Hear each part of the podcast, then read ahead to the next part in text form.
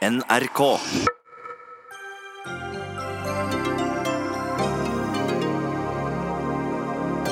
Jens Stoltenberg har nettopp talt i den amerikanske kongressen. Han fikk stående applaus flere ganger, men det er ikke bare grunn til jubel nå når Nato fyller 70 år. Det kan redde liv hvis flere pasienter med rus og psykose får tvangsbehandling, mener professor. Men helseministeren vil ikke høre på det øret. Arbeiderpartiet vil bytte ut kontantstøtten med gratis barnehage, skolefritidsordning eller skolemat. For barne- og familieministeren er valgfriheten viktigere. Og borgerlønn til alle vil gi flere et verdig liv, mener forkjemper. Det vil også bli fryktelig dyrt å passifisere folk, svarer Frp.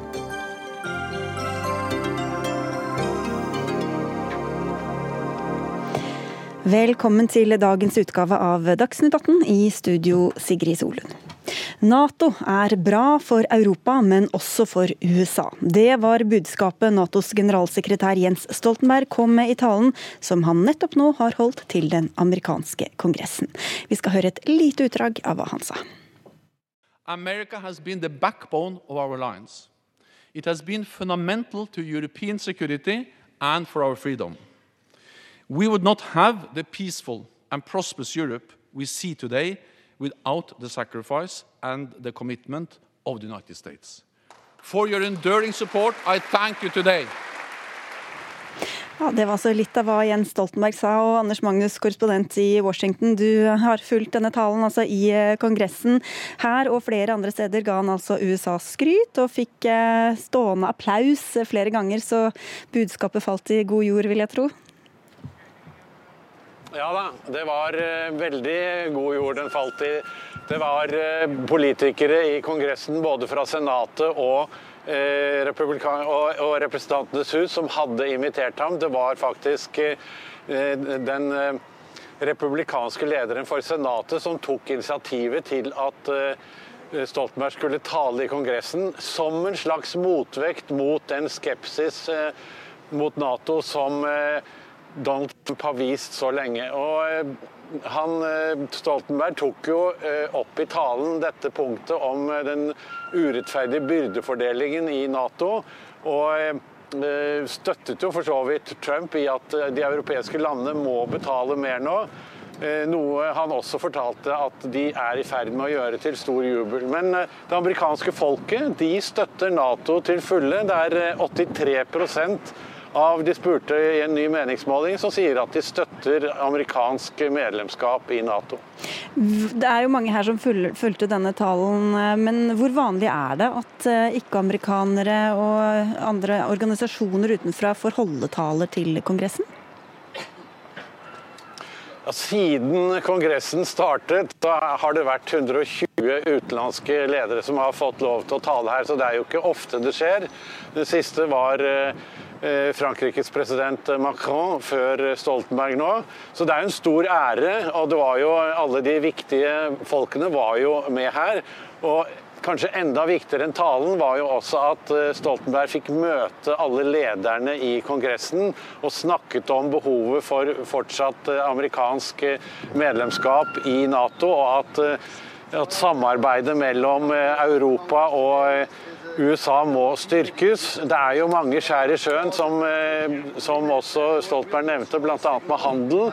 Men dette må vi komme over, og vi må gå styrket ut av det. Fordi eh, Nato og Europa, og også USA, står overfor en sterkere trussel f.eks.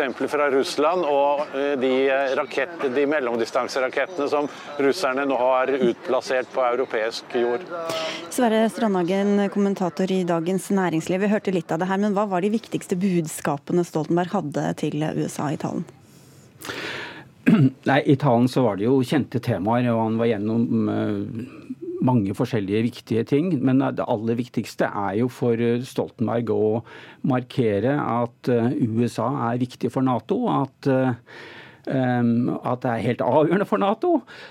men også at USA trenger Nato og europeiske allierte. Det er et veldig viktig poeng som han har gjort mer ut av denne gangen enn, enn tidligere. Tidligere har han ofte snakket om, om uh, artikkel 5, og at den eneste gangen artikkel 5 er blitt brukt, altså dette med at, at det blir én angrepet, skal uh, så er det å betrakte som et angrep på hele alliansen. Um, det har han gjort et stort poeng av. at Den ene gangen det har blitt brukt, det var liksom i 9-11. Denne gangen så gjorde han et stort poeng av at USA er tjent med å ha 28 venner og allierte. Det er noe som ingen andre stormakter har. Det har ikke Russland. Det har ikke Kina. Apropos Russland, han, han, nevnte jo det gamle Sovjetunionen flere ganger. Og du sier at, har, at, Nato har fått svi for to store tabber i til, eh, Natos forhold til Russland. Hva tenker du på da?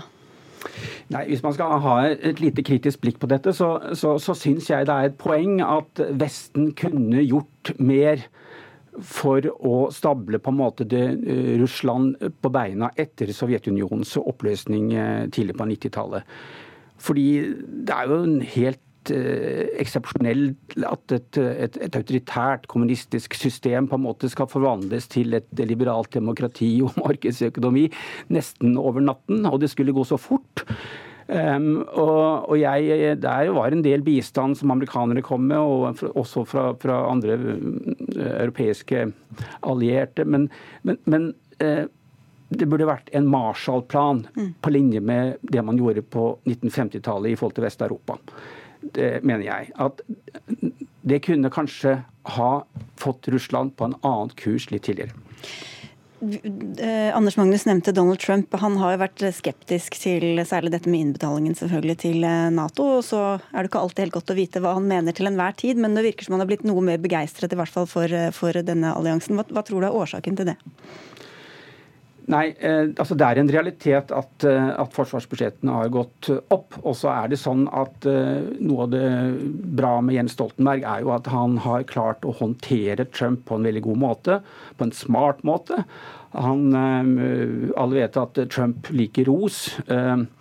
Eh, eh, men, men, rosen har blitt gjort på en ganske smart måte ved at de har laget regnestykker på hvor mye penger som kommer inn, og de har på en måte laget regnestykkene slik at det ser ut som at det starter med når Trump er president. og og, og, at man kommer opp i et pent tall. Mm. Eh, og det er klart at eh, Trump liker jo ros og skryt og, og, få æren for at på en måte uh, europeiske allierte har begynt å ta skjea i en annen mm. hånd. Men har han også til en viss grad rett i dette, Anders uh, Magnus?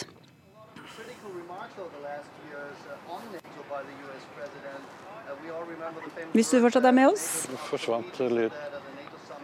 Hallo! Ja, hallo, ja. Hei, Anders Magnus. Du, Vi snakket her om at, at, Trump eh, gjerne tar æren for at Nato har styrket seg, og også for at de, at de europeiske landene betaler inn mer til, til, Nato. Men har han også eh, til en viss grad rett i dette?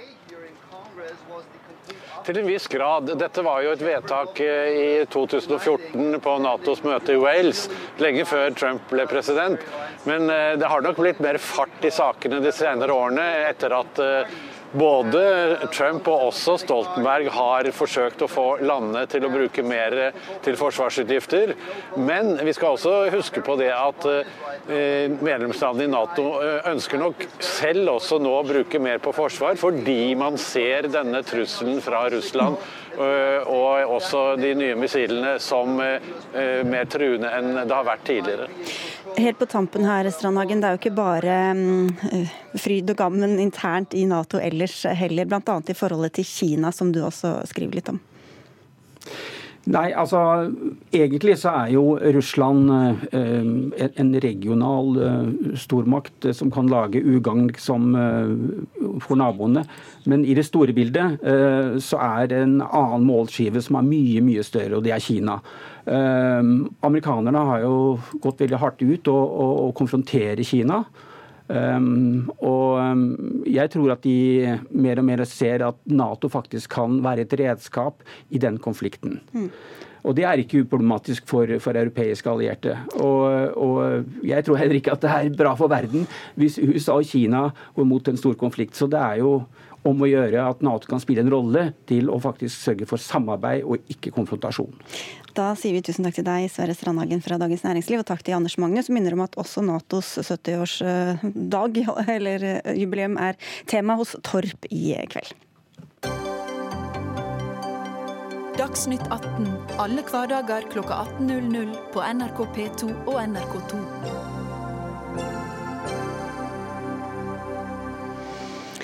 Så til et annet slags jubileum. Kontantstøtten fyller 21 eh, år i år. Det er ikke mye jubileum det, kanskje, men diskusjonen har i hvert fall eh, foregått eh, like lenge, om ikke lenger, om denne omstridte ordninga. Nå vil sterke krefter i Arbeiderpartiet erstatte den. Den gir altså 7500 kroner skattefritt hver måned til de som har barn mellom ett og to år som ikke går i barnehage. Og de pengene dere sparer skal gå til en ny velferdsreform. Vestland Arbeiderparti vil bruke pengene på gratis skole skolefritidsordning, skolemat og gratis barnehage. Og dette forslaget fronter du altså i Vårt Land i dag, Roger Wallhammer. Du er skolebyråd i Bergen og byrådslederkandidat for Arbeiderpartiet nå til valget i høst. Å skrote kontantstøtten har dere snakket om i minst 15 år. I 2004 var det allerede nevnte Jens Stoltenberg som ville avvikle den gradvis. Hvor mange ganger kan dere egentlig gå til valg på dette, og presentere det som ny politikk? Eh, nei, Det, det er veldig godt spørsmål. Det er jo litt eh, det, på. da, så Det er jo ingen nyhet at Arbeiderpartiet er mot kontantstøtten. Eh, og Det er de samme argumentene for det. Både dårlig integreringspolitikk, likestillingspolitikk og at det er en litt sånn rar måte å, drive velferd på. Å betale folk for å la være å bruke en velferdsordning som barnehage. Så er det klart at For oss i Bergen og Vestland så er vår hoved, og det jeg virkelig jobber for nå på landsmøtet, det er jo gratis SFO og på sikt gratis barnehage. Og da dette en av måtene en kan finansiere det på. men det er klart, Mitt budskap til landsmøtet i Arbeiderpartiet det handler om de 100 000 barna som ikke går i SFO. Eh, og at vi vet at veldig mange av de går ikke i SFO fordi foreldrene ikke har råd til å betale for plassen. Ja. Barne- og familieminister Kjell Ingolf Ropstad fra Kristelig Folkeparti, dette er altså ordningen som nekter å dø, og det er vel takket være dere? Ja, vi er jo veldig glad for at kontantstøtte er videreført. Jeg tror det er mange småbarnsforeldre som òg er det. Vi må huske på at uh, om lag halvparten av ettåringene er innom kontantstøtte, eller foreldre som, som bruker den. Så det betyr mye for valgfriheten for, for, veldig mange familier. Men her er det altså snakk om prioriteringer. Bare for å begynne med det, Valhammer. Dette skal altså, du sier eh, gratis SFO, skolemat og på sikt altså gratis eh, barnehage. Vet du hva disse ulike ordningene koster, og hvor mange som faktisk bruker dem? Ja, i dag så, hvis Bergen, da, så er det rundt 30% som ikke går i SFO, f.eks. Altså 70% går i SFO. Eh, en eh, SFO-plass i Bergen, og det er lavere enn i mange andre eh, deler av landet, så er det 2500. Har du to barn eller en i barnehage og en i SFO, så er det 60 000-70 000 i året for en familie. Eh, og du snakker om valgfrihet, så er det klart at for veldig veldig mange familier så er ikke det et valg verken barnehage eller SFO pga. økonomi. Og det er jo det vi ønsker å gjøre noe med, at alle skal ha muligheten til å gå i SFO. Men Dette skal vi betale, altså kontantstøtte, hvis vi, det er 7500 som jeg nevnte for ett barn, det blir mm. omtrent 91 millioner kroner på landsbasis. Foreldrebetalingen for barnehageplass for alle barn i barnehage utgjør 833 millioner kroner, altså ni ganger så mye. Og så er det SFO og skolemåltid i tillegg. Hvordan har dere regnet på at dette i det hele tatt skal kunne betale seg? Det vil definitivt betale seg å satse på de minste eller alle ja, får muligheten til å gå i barnehage. Eh, jo, det, det, er klart det. altså Hvis du tar eh, kostnaden på dette og bare tar de, Nå har jo ikke sittet i regjering så lenge, da, eh, Kjell Ingolf, men hvis du bare tar de skattekuttene som har vært på mellom 20 og 30 milliarder, så har jo, du finansiert her, begge hvis, reformene. Ja, ok, Men hvis vi holder skattekutt utenfor, så er det i hvert fall det er ikke nærheten av å betale for noen ting hvis man kutter kontantstøtten av disse tre andre velferds... Uh, ordningene som dere ønsker dere? Nei, og Det er jo en del av diskusjonen vi har nå på landsmøtet. fordi For Arbeiderpartiet både i Bergen og nasjonalt så vil vi ha en politikk som går i hop. Og vi har alltid eh, ført ansvarlig økonomisk politikk. og Derfor er det ikke sånn at vi går til valg på å innføre dette over natta eller fra ett år til et annet. Det er en opptrappingsplan vi snakker om. Men vi ønsker å begynne. Vi ønsker F.eks. i Bergen så kommer vi til valg på å begynne med de minste, altså første klasse. For i første klasse så går de hjem fra skolen klokka tolv og klokka ett. Og Som skolebyråd har jeg vært rundt på ganske mange skoler nå, og samtlige skoler forteller om det samme. At de som går hjem da, går hjem veldig ofte til tomme hus. Og det er de ungene som gjerne har det best av å være med vennene sine på skolefritidsordningen, som da går hjem eh, fordi foreldrene ikke har råd til å betale. Og Da vil dere sikkert si at dere ønsker også bedre SFO og mer ja, lavere priser. Nedfelt i plattformen at en ønsker moderasjon, sånn at en, en ser på de som har lavest inntekt. Men det er ikke det dere prioriterer. Få... Nå prioriterer dere kontantstøtte og ikke SFO. Ja, altså Vi har jo ikke økt kontantstøtta uh, i, i, denne perioden, eller vi gjorde det for flere år tilbake. Men, men, jeg vil jo bare si at dette handler jo om noe mye mer. Uh, altså at Kontantstøtta finansierer 6-7 av gratis barnehage. Eh, det er jo én ting, så det vil jo aldri gå opp. Men det er jo en ideologisk forskjell. Vi ønsker jo å styrke familiene, gi dem mer valgfrihet og ha tillit til dem. Derfor så øker vi barnetrygden, derfor så gir vi kontantstøtte, sånn at de kan få lov å ta sine valg. Det Arbeiderpartiet vil, det er jo en større styring av familiene. Og uh, gode formål, liksom skolemat, SFO, gratis barnehage. Men, men, det er jo å bruke pengene for familiene, mens vi har tillit til dem.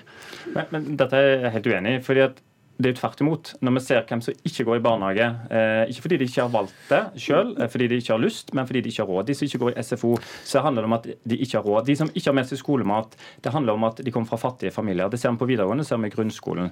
Eh, og det er jo det det handler om, å nettopp gi valgfrihet. da, for At du skal kunne gå i SFO, du skal kunne bruke barnehagen. Eh, og du nevner moderasjonsordninger. I Bergen har vi en lav makspris da, sånn sammenlignet med andre land. Vi har innført moderasjonsordning, men det er ikke nok. Altså 70 000 kroner i året hvis du har to barn da, i barnehage og eller SFO. Eh, det er veldig mye penger for veldig mange med helt vanlige inntekter, selv om begge er i arbeid. Hvorfor handler ikke det om valgfrihet? der oppe? Jo, men, jo, men Det er jo derfor vi har innført gratis kjernetid. Det er jo derfor vi har satt en grense eh, på at hvis du tjener under et visst beløp, så får du òg rett på, på, gratis barnehage. Altså, det, det, er jo, det, er jo, den type ordninger som nettopp gir deg valgfriheten. Og Hvis du skal se på prioriteringene til KrF, da, når vi har sittet i opposisjon, så, og hvis du regner på hvor mye vi har bevilga for å få kvalitet i barnehagene, for å få flere barnehageplasser, så er det mye større summe enn kontantstøtta. Men poenget er jo valgfriheten for foreldrene. Så jeg er helt enig i at det å jobbe for ordninger, enten det er på SFO eller barnehage, for å gi de med låg inntekt mulighet til å kunne delta. Men jeg vil ikke bruke de store summene på at alle skal få det gratis. Nei, hvorfor ikke det? Nei, Fordi jeg har tillit til familiene. Vi øker barnetrygden men med tillit til økonomien til familiene, da? Jo, men, jo, men hør nå. Altså, Vi øker barnetrygden for de som har unge mellom 0 og 6 år, med 7200 kroner i løpet av de neste årene. Det betyr jo at spesielt mye betyr det for de som har låg inntekt. Og så ønsker vi målrette ordninger når det gjelder SFO, når det gjelder barnehage, så de som har lavest inntekt, skal få muligheten til å kunne bruke det. Det er reell valgfrihet for familiene. Men det, Vi må bare innom litt til det som eh, ikke bare handler om økonomi også, uh, Valhammer, men nemlig denne valgfriheten som Ropstad nevner. og dette er litt nære. Altså, det er jo foreldre mange som kjenner på at mitt barn er ikke klar til å begynne i barnehagen nå når det er blitt ett år. Mm. Hva skal de gjøre? Jeg kjente på den sjøl. Jeg har en datter som snart to år, og hun begynte da hun var ett år. da, Men jeg, tenkte kanskje at eh, jeg fikk den følelsen. Eh, nå, nå, gikk det veldig bra, for det er fantastisk flinke ansatte, og hun elsker barnehagen. Men det betyr ikke at eh, jeg ikke har veldig respekt for at det varierer Nei, fra barn til barn. Men hva skal de gjøre da, de som ikke har råd til å bli hjemme og i ulønna permisjon?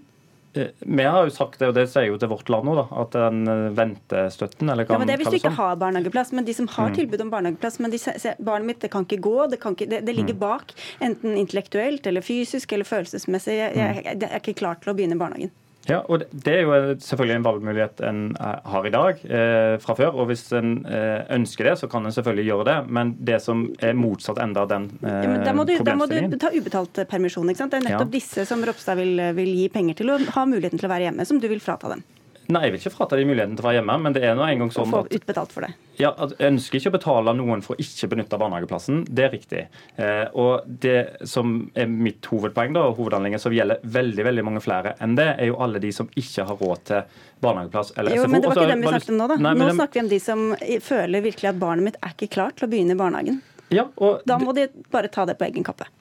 Hvis en ikke ønsker å bruke en barnehageplass, så er det, måte, er det ingen kostnad knytta til det. Eh, og Da er det selvfølgelig fullt mulig å gjøre eh, i dag. Og vi har også sagt at hvis det er sånn at du ikke får barnehageplass, så, så, er vi for at du har en, ventestøtte. Men jeg vil bare si en ting for det som går på eh, en sånn gratis SFO f.eks. Så de 70 som bruker SFO, de vil jo da få de 70 000 de i dag bruker på SFO, prioritere det fordi at det er viktig for deres unger, å beholde de. Så det vil jo være en revolusjon for familieøkonomien å gjøre barnehage og SFO gratis. Alle som i dag bruker det, vil da få de pengene eh, og kunne bruke det på andre ting. Og de som ikke har råd, vil kunne få eh, en gratisplass. Og det må jo være fantastisk familiepolitikk. Jo, men det er jo mye bedre å bare gi de pengene, så kan de velge om de vil bruke SFO eller ikke. Eh, hvis de ikke ønsker å bruke SFO, så må jo det være opp til foreldrene. Hvorfor skal de få penger for det, da? Nei, altså Vi ønsker å styrke barnetrygden fordi at vi ønsker å styrke familienes valgfrihet og økonomi. Men, men ikke minst ja, men Da gir det masse penger til masse mennesker som ikke trenger, det, trenger de pengene, da. Det, altså, jeg tror jo at familiene trenger mer penger. De har sakka etter uh, på økonomien òg når det gjelder de, de, siste årene. Og Vi har en kombinasjon. Vi ønsker både å styrke 0 til 6, og så har vi fritidskort for de, for de eldre. Men, men, dette dreier seg om noe mye mer. For det dreier seg om, som du er inne på, at ettåringer er forskjellige. Og det dreier seg om synet på familien. Vi ønsker å styrke dem og har tro på dem. Og Derfor så vil vi òg gi deg muligheten til å kunne velge sjøl, istedenfor at det er andre mål som er gode, enten er likestilling, mm. integrering, som er overstyrende okay. på debatten og Derfor så må du heller løfte familiene og gi dem tillit. Okay, men da vil dere, ja, ikke sant? Nå skal dere bestemme det, hva dere går for på, på landsmøtet, som mm. begynner i morgen. Så ja, da sier vi Og da skal vi få mer valgfrihet for familiene.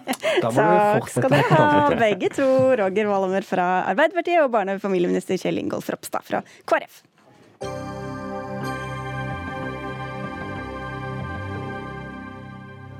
Pasienter med psykoser og rusmisbruk får ikke den stabile behandlinga de trenger, og det kan redde liv hvis flere av disse pasientene får lengre perioder med tvangsbehandling.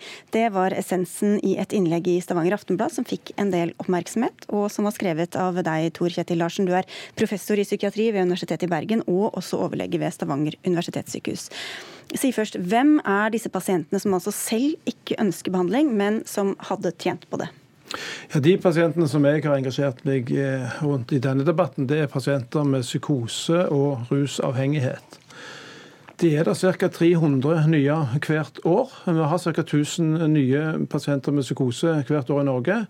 Og 300-400 de har òg et alvorlig rusavhengighetsproblem. Og Min erfaring er at sånn som loven har endret seg siste tid nå, så er det en økende grad av disse pasientene som velger vekk behandling som de egentlig ville hatt god effekt av. Hvorfor hadde de trengt eh, en behandling, og hvorfor vil de ikke ha den? Ja, jeg kan snu litt på spørsmålet og si hva er det egentlig som gjør at folk velger vekk eh, den gode behandlingen. Altså, vanligvis vil jo folk ta imot behandling, f.eks. diabetespasienter. De bruker insulin. Det er veldig lite diskusjon fram og tilbake om det. Men når folk har psykoselidelse og rusavhengighet i tillegg, så er det særlig to faktorer som gjør at de slutter å ta medisiner eller, eller er med på innleggelse. og Det er at de har lite innsikt at de er syke. Det ligger ofte i psykosebegrepet i seg sjøl. Og så er det sånn at de som er rusavhengige nesten aldri klarer å slutte å ruse seg. I hvert fall ikke når det ser akutt. Mm. Så De to faktorene trekker folk vekk fra god behandling. Ja, Og så blir de sykere og får nye psykoser, ja. og så ender det de, ja, nå, nå, ser vi at det er ikke noen nedgang i, i tvang, antall tvangsinnleggelser. Det er kortere innleggelser første gang, og andregangsinnleggelse tenderer til å bli lengre. Så det ser ut til at forløpet kanskje blir dårligere for disse pasientene. Og Det du snakker om, er da den oppfølgingen etter at de har vært innlagt, som er en langsiktig behandling. Og Hva er det ved rammer og regelverk som har gjort det vanskeligere å tvinge disse pasientene til å, til å få en sånn behandling? Ja, så Motdebattanten her, Høie har hatt et, eh, og andre politikere selvfølgelig, et, et kjempefokus på redusert bruk av tvang. Og Det er et sammensatt problem. Det ene er tvangsmidler, altså der hvor en bruker belteseng og, og må holde pasienter fast. og sånne ting. Der er vi enige om at det må reduseres så godt det går, for det kan ofte være veldig ubehagelig for pasientene. Men den andre formen av tvang den dreier seg rundt tvangsbehandling. Og Der viser forskningen at behandling som eh, iverksettes over tid hos disse pasientene, har veldig god effekt. Og Det er særlig det å ikke ruse seg og det å ta medisiner og det å delta i rehabilitering over lang tid stabilt som fører til bedre forløp. Ok, Helseminister Bent Høie, er du enig i at disse menneskene hadde godt, hatt godt av og egentlig trenger den behandlingen som de da ikke takker ja til? Jeg er enig i at, eh, at, de har behov for behandling. Eh, det er jeg helt enig i. Det som jeg jo er uenig i, at, eh, er at hvis en person er samtykkekompetent i sitt eget liv, så kan vi ikke tvangsbehandle personen med mindre det utgjør en fare for personen sitt liv, eller personen utgjør en fare for andre. For det er jo et grunnleggende prinsipp, selv om de aller fleste pasientene i Norge ønsker å ta imot den behandlingen som de tilbys eh, hvis de har behov for det, så er det likevel et grunnleggende prinsipp i den norske helsetjenesten at eh, pasienter som sjøl selv kan bestemme over sitt eget liv, har òg lov til å takke nei til behandling. Og Der var regelverket sånn tidligere at innenfor psykisk helse så kunne pasienter som var samtykkekompetente, allikevel utsettes for tvangsbehandling, selv om de ikke ønsket behandling. Og i de tilfellene der det ikke var fare for deres eget liv, eller det utgjorde en fare for andre. I disse gruppene som man snakker om, så er det jo folk som er avhengige, og da, som vel i seg selv er en sykdom. og Som man lett kan se for seg at de, de vil ikke takke ja til noen ting som kan medføre at de ikke skal få den rusen de ser for seg at de, at de trenger, eller føler at, eller faktisk trenger. da. Eh, hvorfor er det da viktigere at de selv skal få bestemme det, enn at de skal få den behandlingen som hadde klart å gjøre dem friske? For Det handler om eh, det grunnleggende for oss mennesker. Det er jo at vi har en rett til å bestemme over vårt eget liv. Selv om de dør av det? eller blir dårligere av det? Nei, hvis det er en fare for deres eget liv, så eh, kan en sette inn tvangsbehandling. Hvis de utgjør en fare for andre, så kan en sette inn tvangsbehandling. Det som òg er viktig, det er jo at det som er avgjørende for å lykkes over tid med behandlingen, er jo nettopp den relasjonen som en kan eh, bygge opp under behandlingen. Og For mange pasienter er tvang en dårlig start på behandlingen. og dette, dette, er jo ikke en lovendring som jeg har kommet på sjøl. Dette er en lovendring som lå ferdig utredet når jeg ble helseminister. Eh, kollegaer av deg, eh, andre fagpersoner, jurister, pasienter hadde utreda dette, anbefalt den endringen. Høringen viste at det var bred støtte til han. Jeg mener men nå må vi, vi se på hvordan det har fungert, da. Jo, men ja, Få høre med professoren her om hvordan, hvordan, hvordan, har det fungert i praksis? Hvor er det det butter? Nei, altså Jeg er ikke så veldig uenig med Høie i det han sier her. For det har vært en prosess som har vært kjempegod. Det har vært fokus på at pasienter skal ha mer bestemmelsesrett. Ikke minst har pasienter og pårørende fått en sterkere stemme innad i psykiatrien. Og hierarkiet hvor leger står på toppen og bestemte alt det forandra. Det er kjempebra, men vi har gått for langt når det gjelder noen pasienter, mener jeg. Og det gjelder særlig disse pasientene som har rusavhengighet og, og psykoseproblematikk. Det, det, er et stort paradoks i, psykiatrien nå at det faktisk er blitt en fordel for disse pasientene å bli kriminelle. For når de blir kriminelle, hvis de gjør noe som, som retten reagerer på, så kan altså dommere iverksette behandling som, som vi i behandlingssystemet må holde på med i minst tre år. Du kan så dømmes til behandling opptil tre år hvis du er blitt kriminell. Det som, det som Bent Høie ikke nevner når han går gjennom de nye reglene, er jo at det faktisk er sånn at mennesker som er samtykkekompetente, men som har en helse som går til grunne pga. at de velger vekk behandling, de har vi ikke lenger lov til behandling på tvang.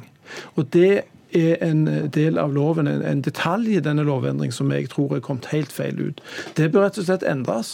Jeg har i løpet av de siste ukene snakka både med fastleger og med legevakter og med politi, som sier at det er blitt veldig vanskelig å få pasienter innlagt i psykiatrien når en trenger f.eks. innleggelse for å få undersøkt om det kan være en psykoselidelse. Folk viser til samtykkebegrepet og skriver folk ut eh, før det er blitt ordentlig undersøkt. Det, som, det, er ikke bra for disse pasientene. Det som Høie sier, hvor, altså, hvor godt utgangspunkt er det for en langsiktig behandling hvis man begynner med tvang? Nei, All behandling skal begynne med frivillighet. og Sånn er norsk lov, og sånn er også vår holdning som psykiater og psykologer. At den beste behandlingen er selvfølgelig frivillig. Ja, så er det alternativet. Som... Ja, Likevel så er det en del pasienter som vil trenge tvangsbehandling.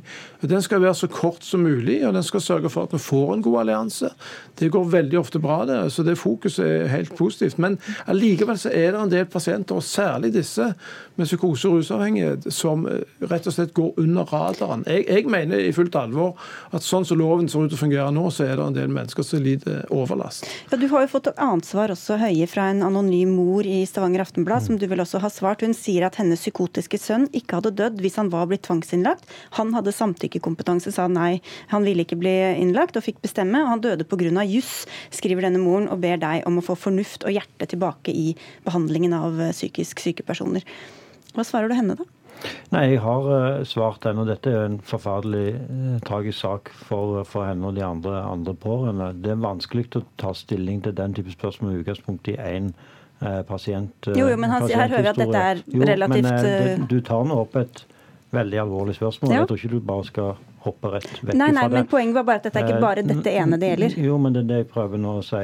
For du spurte meg hva jeg svarte henne. Dette er mor som har mista en sønn som du spør meg om hva jeg svarte. Jeg håper jeg får lov til å svare på det. Ja. ja.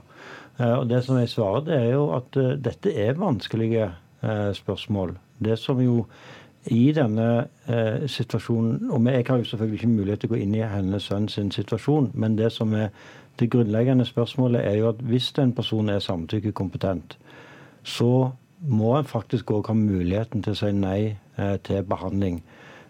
Så er jeg enig med deg at det er et vanskelig spørsmål. Og, og, du sa jo òg nå at noen ganger så vurderer en det for raskt eller ikke godt nok.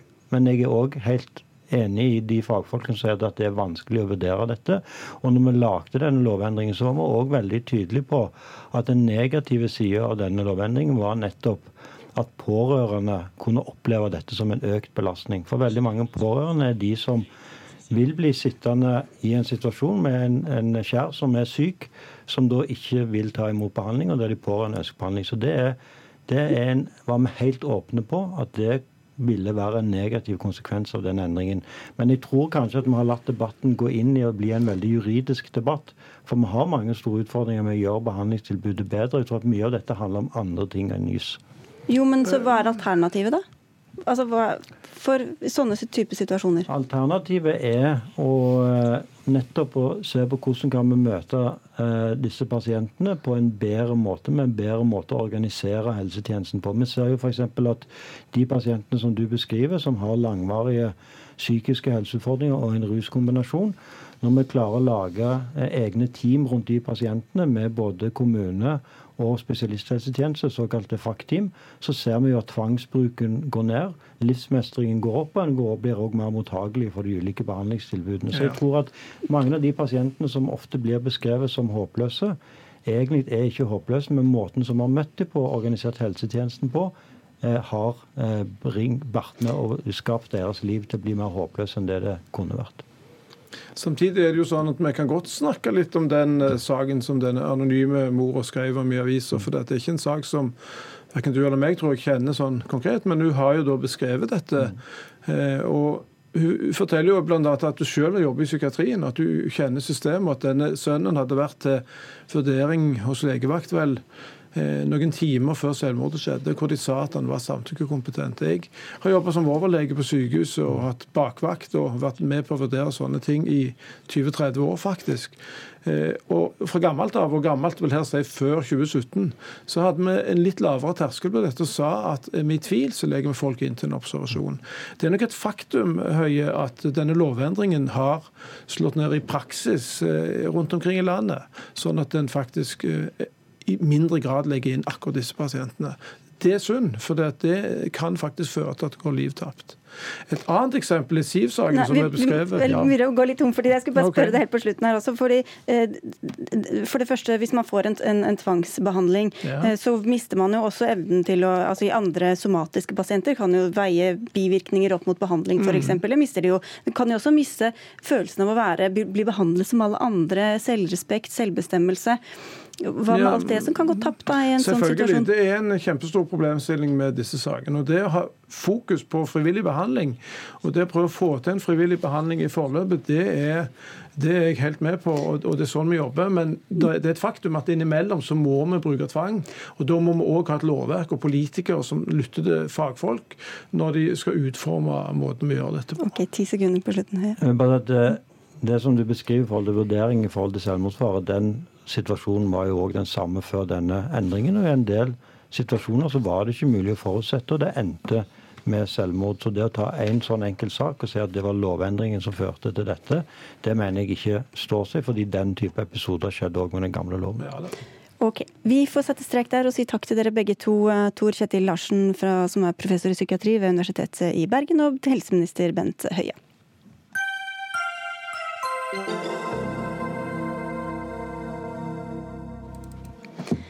Kan man endre sin egen seksuelle orientering? Ja, mener den tverrkirkelige organisasjonen Til helhet, som tilbyr samtaler og terapi for mennesker som selv ønsker å endre sin homofile legning.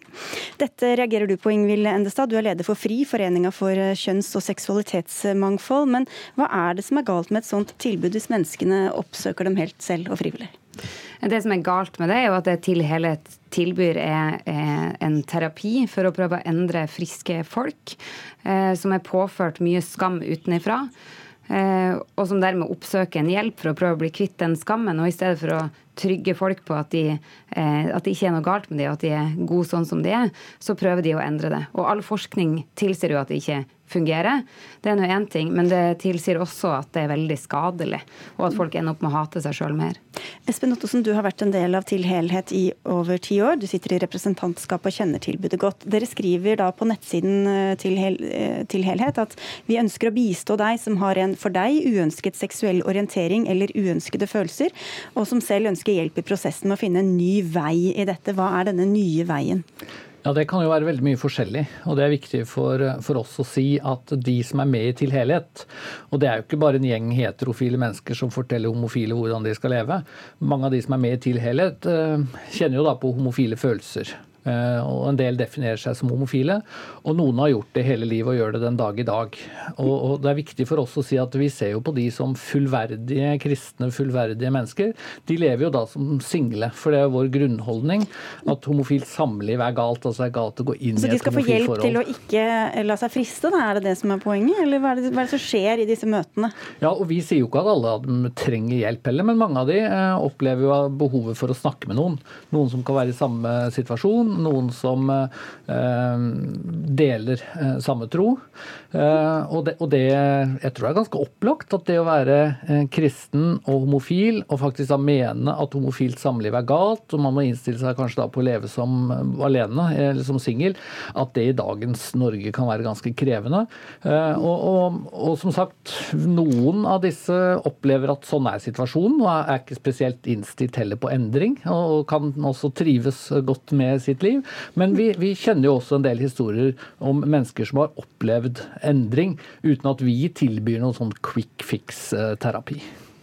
Ja, hvis de ikke, altså for det var et, et litt viktig prinsipp, eller uh, del av det her, var jo de som ikke ønsker å leve ut sin homofile legning. da, Endesa. Hva skal de gjøre, de som er kristne og ikke ønsker å leve ut følelsen og, og begjæret sitt?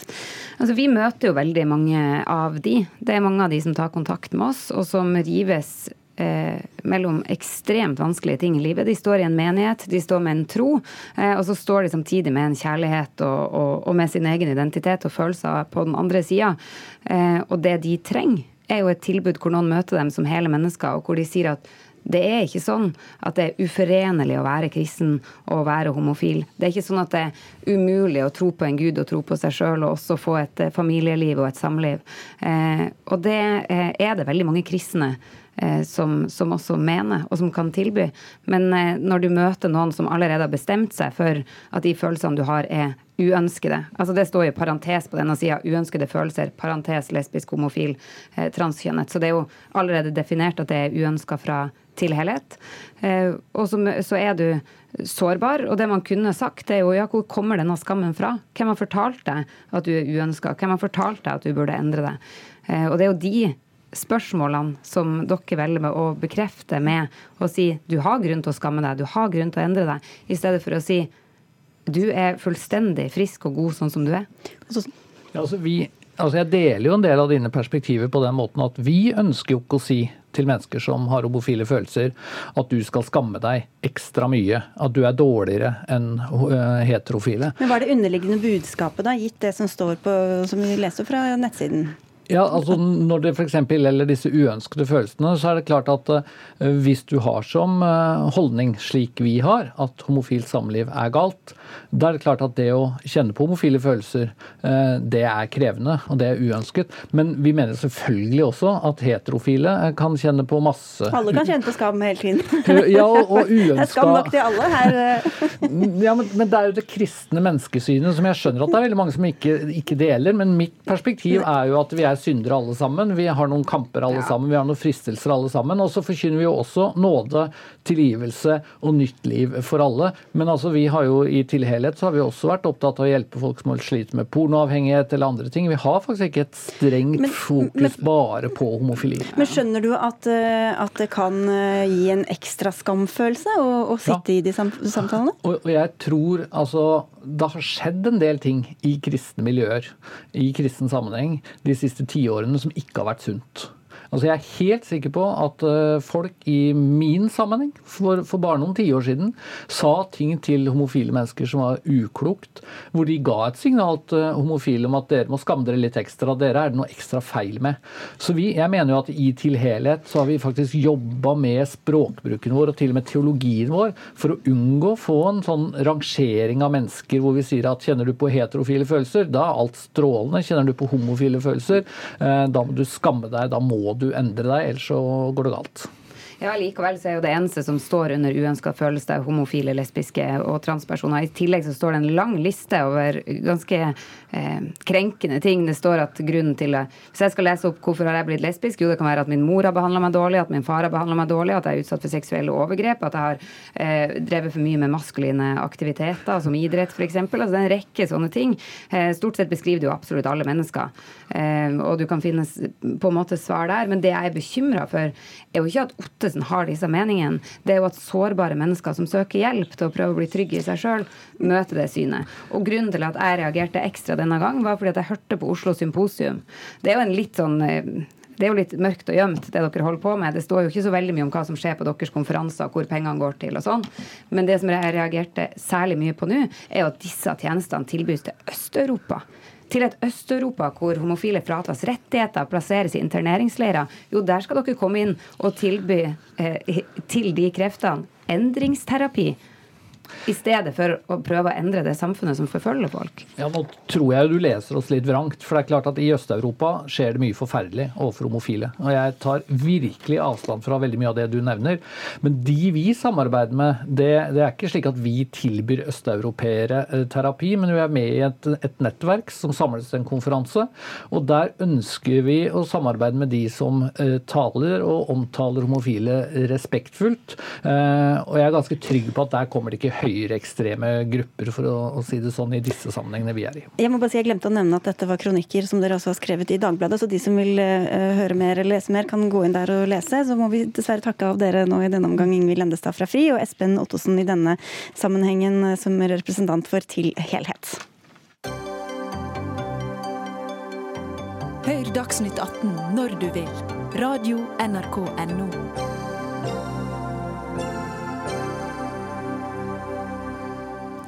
Bøndene og Senterpartiet er opprørt etter at regjeringspartiene ble enige om et forbud mot nydyrking av myr. Ifølge en ny rapport kan nemlig dette få større konsekvenser enn tidligere antatt. 35 000 gårdsbruk kan bli berørt, ifølge rapporten fra Norsk institutt for bioøkonomi, skriver Nasjonen. Og stortingsrepresentant for Senterpartiet Geir Pollestad, hvor dramatisk mener dette, dere dette er for bøndene? Dette er et eh, forslag som vil gå utover vår mulighet til å produsere mat i uh, Norge. Uh, vi har, uh, mener dette er et skrivebordsforslag. Og vi mener det er dårlig utredet. Og det har vi vel egentlig fått bekreftet i dag. Når regjeringa sier det er mellom 9 og 12 kommuner som blir berørt. Og så er fasiten at det er 409 kommuner som er berørt. Mm. Når du bommer med 400 kommuner i et land med 421 kommuner, da har du bomma ganske grovt. Så kommer det litt an på hvordan man eh, regner her, og hva man legger til grunn. Eh, klima- og miljøminister Ola Elvestuen, hva var deres beregninger for hvor mange dette kom til å gjelde? Ja, De tolv kommunene det handler om at det er kommuner hvor du ikke har alternativ dyrking jord, og du må benytte deg av myr. Og Hvis du ser på disse tallene på 35 000, hvis du går inn i disse og ser da eh, hvilke eh, gårdsbruk som ikke har tilgang til annen jord, som også har, hvor, du har også, hvor langt det er til annen dyrkbar jord, eh, hvor stort behov behov også de har for å ha nyår, så kommer det ned i et tall på under 1800 bruk som, er, som, vil være berøkt, og som ikke har eh, alternativer. Så dette er et mye mindre problem enn det som fremstilles fra Senterpartiet. Og det er klart at det her sånn vil det også. Dette er jo også en av grunnene til at du har eh, unntaksbestemmelser i den lovverket som nå skal eh, vedtas på Stortinget. Og Dere har jo vært imot hele tiden, Polsa. Jeg hørte på landsmøtet deres, så snakket dere også om dette som et symbol, som symbolpolitikk. Men her er det snakk om myrer som binder klimagasser, som da vil fri, bli frigjort hvis man begynner å dyrke dem. Hvordan er det symbolpolitikk? Jo, for Det er høyst usikkert hvilken effekt dette vil ha på eh, klimaet. Eh, det er dårlig eh, utredet. Anslaget er veldig Hvorfor er det så usikkert? Jo, Anslaget er veldig uklart hvor stor effekt dette vil ha. Blant annet så har han ikke tatt hensyn til at når du dyrker og får jord, så vil den jorda òg binde karbon. Det er det ikke tatt uh, høyde for i uh, dette forslaget. Så jeg mener at uh, en må sikre muligheten til å produsere mat i Norge i framtida òg. Og det som er veldig absurd, det er at å bruke myr til å produsere mat skal bli forbudt. Men å bruke den samme myra til å bygge kjøpesentre og parkeringsplasser, vi, vi, vi det skal være helt lovlig. Vi skal bare til deg også, Anne Breistein. Du er naturforvalter og politisk rådgiver i miljøorganisasjonen Sabima. Jeg bare nevner her at dere er for dette forbudet fra regjeringa. Men for å høre litt mer om denne klimaeffekten, hvor viktig er myrene i en klimasammenheng? Hva vet vi egentlig? De er veldig viktige. De myrene, og spesielt det at myrene her i Norge de lagrer enormt mye karbon. Og per kvadratmeter eh, karbon så lagrer de mye større andel enn det f.eks. regnskogen gjør, som jo er liksom et helt veletablert eh, faktum at vi skal ta vare på regnskogen for uh, å ta vare på klimaet. Så det mener vi er, vi er helt uh, relevant og ikke udiskuterbart at myra lager karbon. Så hva skjer da hvis man graver opp og begynner å dyrke ha jord i stedet for der hvor det ligger myr i dag?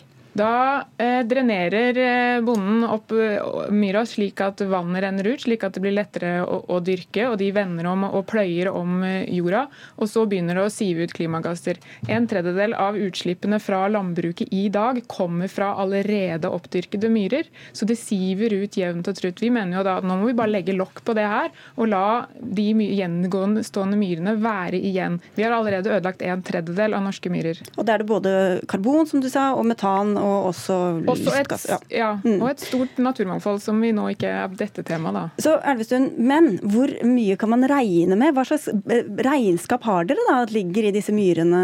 Dette har jo også vært utredet, vært grundig utredet også NIBU i 2016. og Beregningene er da litt avhengig av hvor mye myr som dyrkes opp. Det er beregnet mellom 2000 og 4000 dekar i året. Så vil dette utgjøre en 450 000 til 900 000 tonn fram mot 2030.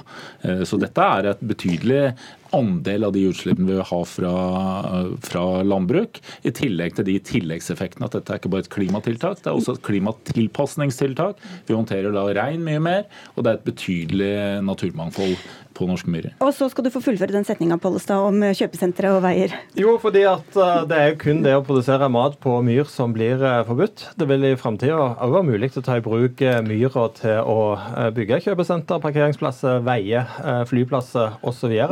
Og det mener jeg er så utrolig inkonsekvent. Og det er litt sånn For du er enig at man ikke skal bygge ut myrene da, nå etter ja, denne lille nei, redegjørelsen? Nei, fordi at det som er viktig for oss å si, vi skal selvsagt ikke bygge eller dyrke mat på alle myrene i Norge. Det vil fortsatt være svært mye myr igjen i Norge.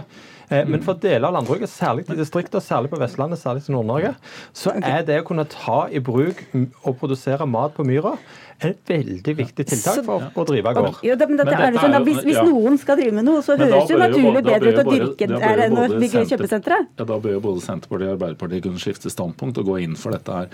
Og bør være glad for at jeg allerede har bedt Miljødirektoratet se på ulike hvordan du kan bruke styringsdokumenter, hvordan du kan bruke plan- og bygningsloven for å begrense oppdyrking eller ødeleggelse av myr. Men hvorfor ikke et forbud, sånn som dere har gjort på, for bøndene, da? Nei, Nå har vi bedt om denne rapporten. for dette er da i Hvorfor begynner dere i den enden og ikke med kjøpesentre og veier? Fordi det er forbyggelse, veier, kjøpesenter og andre. Hvordan vi skal bruke de styringsverktøyene vi har for å redusere tap til myr også der. Den rapporten får jeg nå rundt eh, påske, sånn at vi også tar tak i det som går utover eh, det som handler om nydyrking. Nydyrking er jo et forslag som kom i 2012, hvor Senterpartiet jo var i regjering. Det var den gangen grønnfargen betydde noe. Hvor man jo ba om at du skulle se på nydyrkingsforskriften for eh, myr i klimaperspektiv. Det har vi nå fulgt opp. Når vi skal gå inn i andre områder hvor det også blir ødeleggelse av myr, så blir det en annen prosess. og den er okay, Vi skal pirke litt mer eh, fra deg, Breistein. Hvor, hvor godt vil du si at regjeringa har tatt vare på disse myrene fram til nå? da? Nei, altså Til nå så har det jo ikke blitt tatt spesielt vare på, men vi er veldig glade for dette nydyrkingsforslaget. Og det har også de siste årene blitt gjort en lang rekke tiltak for å sikre myra. Nå sa faktisk et flertall i komiteen at de også ønsker å utrede andre former for forbud, som også da gjelder for disse kjøpesentrene, som altså hele tiden har vært et ankepunkt. Vi mener at vi kan ikke holde på med noen bukkene bruse-politikk. At nei, de antar de andre, de er mye større. Dette må faktisk å gjøre klimatiltak. Det koster, og det må koste for noen. Jeg får spille det over til deg, Polstad, for Det vil jo som det blir nevnt her, alltid være noen som kjenner på konsekvensene av politikken. Så hvordan skal man gjennomføre noe så lenge det ikke skal gå utover noen av dem det gjelder? Jo, men jeg mener at her starter en i helt uh, feil uh, rekkefølge. En må se på uh, altså Norge er et land der vi skal ha mat til innbyggerne også i framtida. Da trenger vi å utvide arealet der vi produserer mat. I Nord-Norge og på Vestlandet så det, betyr det at da må en produsere mat på det som er eh, myrområdet. Men vi utredet jo dette når vi satt i regjering, og vi kom fram til at det var et dårlig eh, klimaforslag. Derfor la vi det vekk. Det Hvorfor det? Litt... Hvordan kom dere frem til det, egentlig? Jo, fordi at det hadde alvorlige konsekvenser for norsk eh, evne til å produsere mat. Det, ja, men det er jo ikke et dårlig klimatiltak, det er jo et dårlig mattiltak. Jo, fordi at når du reduserer muligheten til å produsere mat, så må du importere mat med kanskje høyere klimagassutslipp. Så det, det, var vår eh, logikk, og vi så at effekten av det var usikker og låg. Og vi har et krav for å gå inn for klimatiltak. Det er at de har effekt og dokumenterbar effekt okay, på klimaet. Slippe de to andre veldig kort her. Vi mener jo at for å, Vi er helt enig med Senterpartiet i at vi må, sikre, vi må ha sikre matsikkerhet i, i, i matproduksjon i Norge. Og det kan vi gjøre uten å ødelegge myra. Da kan, vi, da kan vi jo la være å legge ned, legge ned, bruk. Årsaken til at bruk legges ned i dag, er jo ikke fordi de ikke skal, kan få dyrke på myr. Det er jo helt andre årsaker. Vi kan, vi kan hindre gjengroing eller utnytte utmarka bedre. Eh, i Møre og Romsdal, som er et av de som er mest mot dette nyrgingsforslaget, så er det de siste 19 årene er det lagt ned 10% jordbruksarealer. Så her mener vi at det er, ikke ny, det er ikke myra som gjør at vi ikke får produsert mat. Mm. Og Det meste som jo kommer på disse områdene med myrområder, er jo grasproduksjon. Ja. Eh, så det er jo da det er kjøtt og det er melk, som vi jo i dag har overproduksjon av begge deler. Og så er det jo på Smøla og andre så har det gulrøtter. Her sånn det skal vi ha muligheter for. men det er klart at dette er et viktig klimatiltak. Som alle klimatiltak så er det aldri nok i seg sjøl, men vi må gjøre mer av alt for å nå de klimamålene vi har, og dette er ett av de. Og For meg er det helt uforståelig at Senterpartiet og Arbeiderpartiet går imot. Skal vi ha drift på de eh, brukene som nå er lagt ned, så hvis en skal få gjenopptatt drifta der, så er en kanskje avhengig av å utvide driftsgrunnlaget på gården noe, og da betyr det nydyrking. Og I deler av landet så betyr det å ta myr, men det skal ikke være fritt fram å, å dyrke opp myr. Men et forbud er vi sterkt imot, og det kommer vi ikke til å uh, snu på. Og vi savner dokumentasjonen på dette. Nå har det blitt avslørt at virkningene, effekten er mye større enn det regjeringa hadde informert Stortinget om. Uh, og Derfor forventer vi at det kan bli en ny runde. Statistikk, de 35 000. Dette er statistikk. og det er ja, med, med fra 1 til 40 gårdsbruk i hver av de kommunene. Ja, det er 12 kommuner hvor de ikke har alternativer, og de som berøres er under 1800. Dere sa 12 til Stortinget. Okay, ja. Men dere, nå er det alle snakker i munnen hverandre. Da må jeg bryte gjennom og si at denne saken skal behandles i Stortinget 11.4 neste uke altså. Så får vi se hvem som stemmer for og hvem som stemmer mot, og si takk til dere alle tre i denne omgang. Klima- og miljøminister Ola Elvestuen, Anne Breistein fra Sabima og Geir Pollestad fra Senterpartiet.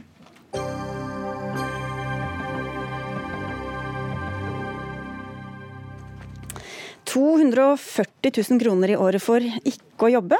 Høres det greit ut? Det er akkurat passe, mener forkjemperne for eh, borgerlønn, som står bak en konferanse om nettopp dette i Oslo nå på fredag. Borgerlønn betyr at alle får utbetalt en viss sum, uavhengig om de er i jobb eller ikke. Mange er skeptiske, men ordninga har også sine tilhengere, andre dere altså. Anja Askeland, du er leder Bien Norge, som står for Basic Income Earth Network, og er blant arrangørene for denne konferansen i overmorgen. Men hva er egentlig grunntanken bak denne borgerlønnen, eller grunninntekten som du kaller det? De det er basert på fem ulike prinsipper. Den skal være universell, utbetales til alle i arbeidsfør alder, f.eks. Um, og den skal være betingelsesløs utbetalt. Den skal betales ut individuelt til uh, hver person, ikke familier f.eks. Uh, den skal betales ut regelmessig, og den skal være i, i, i, penger eller noe som du kan gjøre transaksjoner med, og ikke i tjenester f.eks. Ok, men hva er, liksom, eh, hva, er, hva er, godene ved det? da? Hva er det man tjener på den ordningen som ikke vi får eh, i den, det systemet vi har i dag? Ja, den vil Det er veldig flere, flere altså, vi har en stor konferanse nå, så vi vil virkelig gå inn i og se på alle mulighetene dette her gir. For den påvirker veldig mange deler av samfunnet. da arbeidslivet, hvordan vi tenker om arbeid. Vi kan frigjøre veldig masse kreativitet gjennom at folk kan satse litt mer på egne krefter. Um, og de kan Altså, man får alltid et insentiv til å arbeide, fordi den grunnlønnen um, altså Arbeidsinntekt skal komme i, tillegg. i tillegg. Derfor mm. så får man et insentiv. Uh, forsøk viser at det gir veldig mye bedre helse og livskvalitet, særlig psykisk helse. Uh, gründere, altså Hvis du vil starte opp noe eget, så har du mm. en base å gå ut ifra. Um, den okay. vil ostabilisere stabilisere økonomien. Altså, det, det er veldig bra, mange ja. ja, men vi er, er ikke alle helt enig i det. Vi skal gå til en som du skal få ordet igjen. Eh, Sivert Bjørnstad, du sitter i finanskomiteen for Fremskrittspartiet på, på, Stortinget. Eh, likhet, verdighet, eh, hva er nedturene i det hele tatt? Er det noe å lure på? Ja, Det kan du si. I hvert fall én stor negativ eh, konsekvens er jo kostnadene. Hvis 5,3 eh, millioner nordmenn skal få 240 000 kroner hver, så vil det koste omtrent 1300 eh, milliarder kroner. Det er like mye som vi bruker på statsbudsjettet hvert eneste år.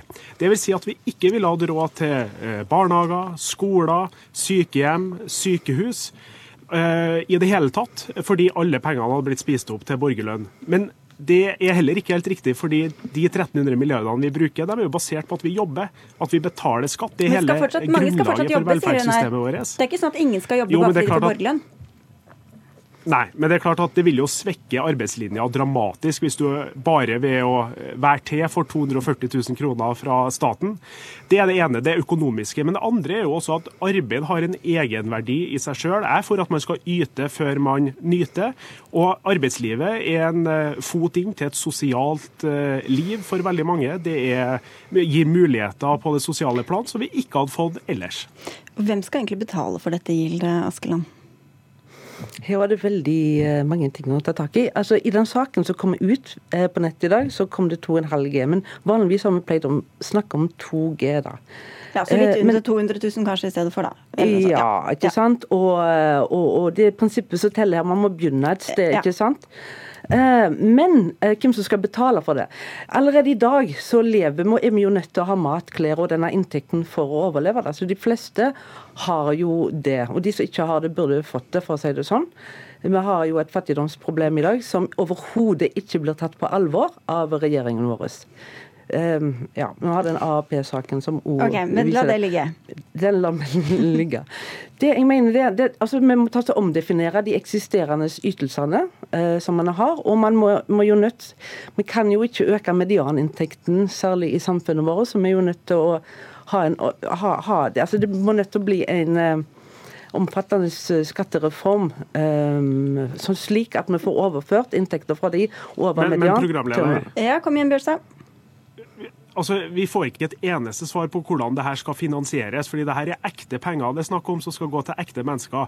Hvis man reduserer fra 240 000 i året til 200 000, så har man kanskje gått fra 1300 milliarder til 1000 milliarder. Men de skal jo fortsatt ha skatteinntekter. Det er jo fortsatt mange som skal jobbe. De fleste vil vel kanskje, som du sier, at det er bra å jobbe. Man vil vel velge for det første både ja. for å få penger og alle mulige andre goder man får ved å jobbe. Jo, men Det er jo ingen grunn til å tro at eh, noe annet er at veldig mange vil jobbe veldig mye mindre når man uansett får 240 000 kroner i, i fanget bare ved å være til. Og så er det også sånn at Det vil jo føre til en massiv overføring fra dem som virkelig trenger statens hjelp, til oss som ikke trenger den. Hvorfor i alle dager skal staten betale med nesten en kvart million eller 200 000 eh, når vi kunne ha brukt de pengene på dem som virkelig sliter? Det er jo det de store pengene må gå til dem som faktisk trenger staten. Ja, men eh, altså det med universelle ordninger, ikke sant. Eh, vi er alle i samme båt, ikke sant. Og i og med at dere, eh, som allerede har mye, da bør dere kunne skatte noe mer. ikke sant? Så det er der inntektene skal komme fra? Høyere skattlegging av de som jobber? Ja, det er mange måter å skattlegge det på. Vi kan òg tenke klima- og miljøskattlegging, formue, eiendomsskatt Eh, men veldig mye blir òg eh, eh, altså Hvis vi tenker på at mange av de som i dag ikke har penger, de har behov. Får de penger, så går de til butikken. Altså Penger er ikke en statisk ting. Penger det er et byttemiddel. ikke sant? Og når du går i butikken, da, så får du kjøpt deg ting, og skaper, da kan du skape etterspørsel, så skaper behov for mer produksjon av nødvendige varer, ikke luksusvarer nødvendigvis, når vi gir penger til de som har minst, f.eks. Og da skaper du skatteinntekter til staten nå. Okay. Hvis hvis, hvis jeg klarer å svare kjapt Bjørnstad, det er jo, Vi får jo ytelser i dag også. Arbeidsavklaringspenger og sykelønn og alle mulige slags overføringer. Hva er egentlig den store forskjellen på det å slippe det så byråkratisk eh, mølle og gi alle en viss sum i utgangspunktet? Den store forskjellen er jo behovsprøvinga, at det er dem som faktisk trenger pengene, som eh, får pengene. Med det systemet som Askeland snakker om nå, så skal jo alle få 200 eller 250 000 kroner bare ved at man har blitt født. Jeg mener det er feil prioritering, feil bruk av pengene. Vi bør heller bruke pengene på dem som, dem som trenger det mest. Et okay. argument som har vært Veldig kort tid. Vi kan bare la Askeland få svare på, på, slutten her på akkurat nettopp det. Den behovsprøvingen har ført til veldig mange fattigdomsfeller, hvor eh, f.eks. de som mottar sosialhjelp i dag, de får jo 100% marginalskatt, ikke sant? De har ingen som helst insentiver for å arbeide. Ehm, det gjelder om veldig mange Nei, men man, man, måtte, man, måtte, altså ha økt skattene i Norge med mellom 30 og 50% for å få til det systemet du snakker om. Jeg tror ikke det norske folk er klar til å betale dere, dere, dere, vi, vi, må heller, vi må avslutte. Beklager, begge to. Uh, Anja Askeland og Sivert Bjørnstad, takk skal dere ha for at dere kom. Dere får heller følge med på uh, konferansen på fredag, de som er interessert. Fordi vi må takke for oss uh, i dag, Jaran Ree Mikkelsen, Frode Thorshaug og jeg, Sigrid Solund, som også ønsker en fin kveld videre. Og takk for følget.